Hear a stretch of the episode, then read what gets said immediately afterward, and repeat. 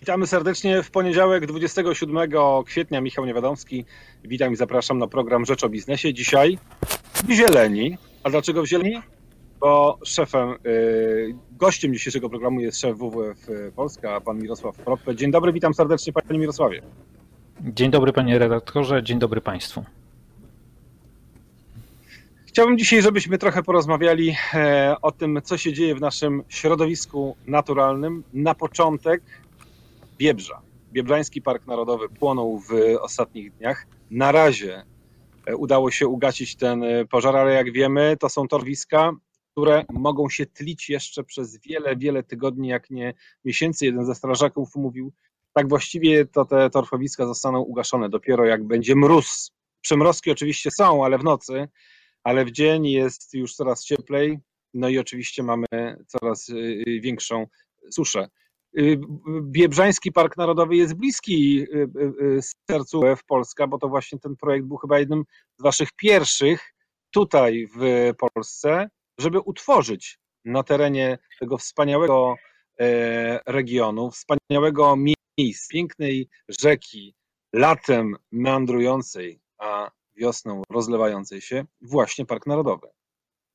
Tak, dokładnie. To był nasz pierwszy projekt w Polsce, który realizowaliśmy. Postulaty wtedy, żeby zbudować ten park razem z, lokalną, e, z lokalnymi mieszkańcami, razem z władzami samorządowymi. No i udało się ten park rzeczywiście stworzyć. On jest unikalny w skali całej Europy. Nie ma takiego drugiego parku, nie ma takich mokradeł w Europie i nie ma w związku z tym takich gatunków roślin i zwierząt, jakie występują tylko w tym parku. W całej Europie już, już nie ma. Więc e, rzeczywiście unikalna sprawa i te pożary, które zdarzały się tam e, każdego roku, czy to samoistne, czy przez e, podpalenia, no ale jeżeli to był teren mokry i, i rozlewiska były, a teraz wiosną Biebrza powinna być właśnie rozlana, no to, to nie było większego problemu z ugaszeniem tego problemu, y, tego pożaru. Natomiast w tej chwili rzeczywiście jest tam bardzo sucho. E, od nas kolega, który, który był e, w parku w zeszłym tygodniu, no to jak chodził po okolicznych lasach, to mówił, że nie pamięta, jak, żeby one były tak suche. Ściółka trzeszczy pod nogami. E, nigdzie nie jest grząsko, więc to rzeczywiście jest e, zastraszające, jak bardzo wręcz tak podmokły teren może, może wyschnąć. No więc właśnie, mamy problem z palącym się Biebrzańskim Parkiem Narodowym. Mam nadzieję, że za chwileczkę nie będziemy mieli fali pożarów w naszych polskich pięknych lasach, bo pożar Biebrzańskiego Parku Narodowego to niestety efekt również wypalania traw, tego bezsensownego pomysłu, który wiele, wielu rolników praktykuje, czy to wiosną, czy jesienią. Przyznam się szczerze, że mnie, mieszkając na wsi, czasem po prostu krew szybciej krąży i czasami nie tylko, nie tylko e, krew krąży, bo i grubym słowem muszę rzucić do rolnika, żeby nie wypalał tych traw, bo to nie tylko zagrożenie dla, dla przyrody, ale zagrożenie również dla ludzi, bo czasami te trawy są wypalane przy drogach. E, i po prostu dym zasnuwa, zasnuwa drogę i dochodzi do, do wypadków. Natomiast mamy oczywiście gigantyczny problem z wodą.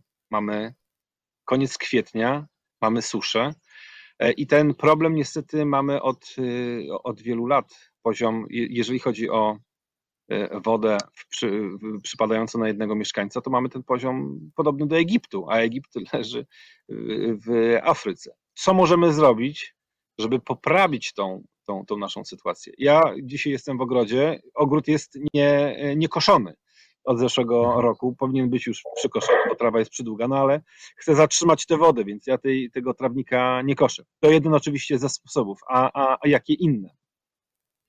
No przede wszystkim nie powinniśmy dopuszczać do tego, żeby woda, która spadnie, jeśli nareszcie spadnie deszcz, e, żeby ona spływała, tylko żeby ona wsiąkała w tym miejscu i zostawała w tym miejscu, w którym, e, w którym spadła, bo wtedy naturalnie będzie e, utrzymywała się też wilgotność gleby. Niestety w Polsce przez meliorację, która trwała od lat 50., e, popsuliśmy gospodarkę wodną, udrożniliśmy masę, odpompowaliśmy wodę z pól, z mokradeł, z różnych miejsc e, i w tej chwili mamy tego, tego skutki. To jest zastraszające również, że chociażby przez 5 lat, w latach 2010-2015, na tego typu prace wydaliśmy około 900 milionów złotych, czyli prawie miliard złotych wydaliśmy z publicznych pieniędzy, a teraz z publicznych pieniędzy będziemy pomagać rolnikom, którzy mają suszę, będziemy ratować miejscowości, które będą miały problemy z dostawą e, wody, czyli dwa razy będziemy wydawać publiczne pieniądze, najpierw na to, żeby coś zepsuć, a teraz na to, żeby ratować nas i gospodarkę. Więc e, to jest, e, e, musimy przestać meliorować. Te, te rowy, jak się przejdziemy po, po polach, jak zobaczymy te rowy, w tych rowach są tak zwane zastawki, są takie czasami zazwyczaj betonowe kawałeczki muru, i powinna być tam taka zastawka. Tej zastawki już dawno nie ma, bo nikt się tym nie zajmuje. Ta zastawka jest po to, że w momencie, kiedy jest rzeczywiście za dużo wody, żeby otworzyć tę zastawkę i spuścić wodę, ale w takich momentach jak teraz, ta zastawka powinna być zamknięta po to, żeby ta woda w rowach zostawała i żeby była to naturalna gąbka. Druga kwestia to jest y, regulacja rzek regulowanie rzek, czyli betonowanie czy kamienowanie e, brzegów e, rzek, prostowanie e, tych meandrujących rzek, to jest tylko i wyłącznie działanie, które przyspiesza spływ wody. Jeśli jest rzeka meandrująca, płynie sobie powoli, no to więcej tej wody zostaje. Ona musi mieć miejsce do rozlewania się, oczywiście, dlatego trzeba zachowywać tereny te zalewowe jako miejsce na łąki czy na tereny rekreacyjne, bo w momencie, kiedy woda tam wyleje, nic wielkiego, żadnej infrastruktury dużej nie, nie zniszczy. Ale jeżeli je prostujemy i betonujemy czy kamienujemy, no to taką rynną tylko i wyłącznie szybciej ta woda spływa. I dane Instytutu Meteorologii pokazują, że w latach od 1950 do 1980 mieliśmy suszę co 6 lat w Polsce, ale już w kolejnych 30 latach, czyli od 1981 do 2011, co 3 lata. Susza, którą mamy w tym roku, jest poprzedzona suszą z zeszłego roku, a tak naprawdę w większości terenu Polski poza górami nie pamiętamy, kiedy był śnieg. Bo nie mówimy tu o warstwie dwóch centymetrów śniegu, tylko naprawdę śniegu, który by poleżał i potem się rozpuścił i, i, i w, wsiąknął w ziemię. Także musimy. Więc wszyscy denialiści zmian klimatycznych powinni e, wyjść z domu na chwilę, jeżeli już namawiamy do tego, żeby siedzieć w domu, ale wyjść nawet na spacer, zobaczyć, jaki jest poziom wód Koleżanka była nad Narwią w weekend, mówi, że połowa jest tej Narwi, która była e, rok temu. Ale proszę powiedzieć też, w jaki sposób państwo powinno teraz tę wodę zatrzymywać. Mówi pan o tym, żeby nie betonować rzek, żeby ta woda nie spływała do Bałtyku, mhm. ta woda zostawała, zostawała tutaj e, lokalnie. Hiszpanie, którzy od wielu można powiedzieć, wieków mają problem z wodą, bo jest to, jest to kraj na południu e, Europy, mhm. no, są w stanie tę wodę retencjonować i ta duża retencja, i ta mała retencja. U nas tego, tego nie ma. Powinniśmy się uczyć od Hiszpanów, jak zatrzymywać e, wodę, mimo że jesteśmy oczywiście w innej strefie trochę klimatycznej niż, niż oni, ale oni sobie z tym problemem jakoś widać poradzili. My jeszcze tak, nie jesteśmy. Jesteśmy, Powinniśmy się uczyć od wszystkich, e, którzy retencjonują wodę, tylko retencjonować ją tak, jak warunki geograficzne i geologiczne w danym kraju na to pozwalają, bo to też trzeba dostosować oczywiście do specyfiki e, danego kraju. Więc u nas e, tak naprawdę to są trzy postulaty, które dzisiaj rząd powinien zrealizować. Po pierwsze, to jest w tej chwili zaczynają się negocjacje dotyczące nowego okresu programowania w Unii Europejskiej, między innymi wspólnej polityki rolnej. W związku z tym dopłaty bezpośrednie powinny uwzględniać to, że jeżeli rolnik na swoim polu ma teren pod, podmokły, ma jakieś bagienko czy torfowisko, to nie osusza tego terenu, tylko dostaje rekompensatę za utrzymanie właśnie e, takiego miejsca, z którego nie pobiera oczywiście żadnych plonów, ale ono jest potrzebne dla utrzymania wilgotności w e, okolicy. Dzisiaj wspólna polityka rolna jest ustawiona w ten sposób, że opłaca się wysuszyć, bo po prostu o demokratę nie ma żadnego, żadnej dopłaty. Czyli tej usługi ekosystemowej w ogóle wspólna polityka rolna nie uwzględnia. To jest pierwsza rzecz.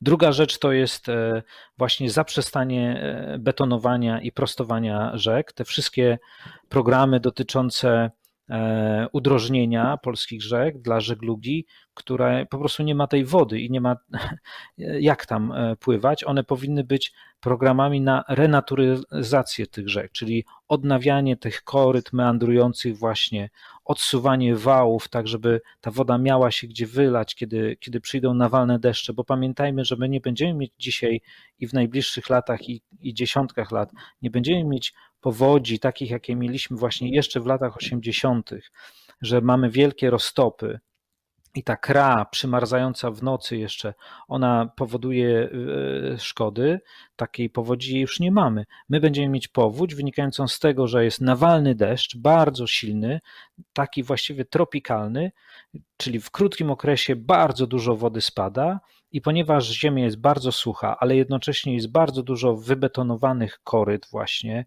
drogi są i tak dalej, place i tak dalej, ona nie ma gdzie wsiąkać, w związku z tym musi coś ze sobą zrobić i powoduje szkody. I to jest rwąca rzeka, która bardzo szybko płynie i niszczy. I trzeci postulat to jest postulat dotyczący retencji wody w miastach, czyli e, zachowania jak największej liczby terenów zielonych w mieście i e, zbierania tej wody nie do kanalizacji deszczowej, burzowej, tylko do e, wsiąkania jej w ziemię, odprowadzania jej pod ziemię, tak żeby e, zapewniała odnowienie źródeł e, głębokich wody. Mirosławie, to jeszcze na koniec. Mamy korona kryzys, który trwa kolejny miesiąc. Zaczęło się to wszystko w pierwszej połowie marca. Mamy koniec kwietnia, za chwilę maj. Ale widzimy, że ten koronakryzys, oczywiście oprócz wielu negatywnych skutków, ma też pozytywne wymiary, jak choćby zmniejszenie e, emisji dwutlenku węgla, czy też innych szkodliwych e, gazów. Jak ten koronakryzys możemy wykorzystać do tego, żeby tę zieloną, ten nowy zielony ład jednak w Polsce wprowadzać, bo są pokusy takie, jest kryzys, to może poczekajmy z tym, odłóżmy to o 5, o 10 lat, może ten cel net 50 w ogóle przesuńmy o kolejne, kolejne dekady. Jest taka pokusa, odzywają się takie głosy, choćby żebyśmy wyszli z systemu ETS, czyli z tego systemu mhm. E, e, uprawnień do emisji CO2. Pana zdaniem, no tak. w jaki sposób powinniśmy ten koronakryzys wykorzystać jako szansę na podgonienie w pewnych obszarach, bo wiemy, że ten kryzys prawdopodobnie albo zmiecie, albo przeobrazi też pewne te stare zaszłości, które mamy w Polsce, choćby nieefektywne górnictwo, czy też energetyka hmm. węglowa. Dokładnie tak. No to, co widzimy w tej chwili, to jest, że świat, w jakim żyliśmy, jest nieodporny na tego typu wielkie wyzwania e, związane z pandemiami, ale związane też z kryzysami klimatycznymi, właśnie braku wody i tak dalej. W związku z tym, to, co musimy zrobić, to inaczej zorganizować niektóre branże. Inaczej to znaczy, na przykład, właśnie branża energetyczna. Okazuje się, że dzisiaj kiedy duże e, zakłady energetyczne nie są, e, są zagrożone tym, że właśnie będzie za mało wody do chłodzenia, że będzie nie ma kto przychodzić do pracy, bo są obostrzenia w e, poruszaniu się i w przebywaniu razem, no to właśnie energetyka rozproszona, energetyka obywatelska, czyli produkowanie energii bliżej miejsca zużycia, to jest to rozwiązanie. Czyli znowu mówimy o technologiach z jednej strony fotowoltaice i wietrze, a z drugiej strony o rozwoju e, magazynowania energii, czy to poprzez e, baterie, czy poprzez e, wodór, nowe technologie. I na to są środki europejskie dostępne i to jest również bardzo duże pole do popisu do, dla naszej przedsiębiorczości. W 2018 roku wszystkie farmy fotowoltaiczne, które były wybudowane w Polsce, ponad 30% komponentów, już nie samych usług instalatorskich, ale komponentów, było wyprodukowanych przez polskie firmy. Więc to jest sposób na uruchomienie również bardzo szybkie naszej gospodarki e, właśnie teraz. Druga kwestia z tym związana to jest e, docieplenie budynków, żeby one były mniej energochłonne.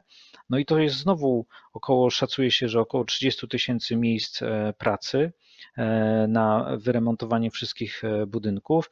Znowu na to są środki z, właśnie z ETS-u, czyli wyjście z ETS-u byłoby wręcz kontrproduktywne, byłoby przeciwko Polsce, bo dzięki ETS-owi budżet polski ma, budżet państwa ma środki na inwestycje właśnie w te zielone, te zielone technologie. Miejmy nadzieję, że e, zdrowy rozsądek e, zwycięży, a nie e, lenistwo intelektualne i, no i jednak schlebianie gustom pewnej jednej grupy wyborczej, która, która jest niezbyt może liczna, ale jednak jak się okazuje to lobby jest cały czas czasami głośno. Mirosław tak. Kropka, szef WWF Polska był Państwa i moim gościem w programie Rzecz Michał Niewiadomski. Bardzo dziękuję za uwagę i do usłyszenia. Dziękuję, dużo zdrowia.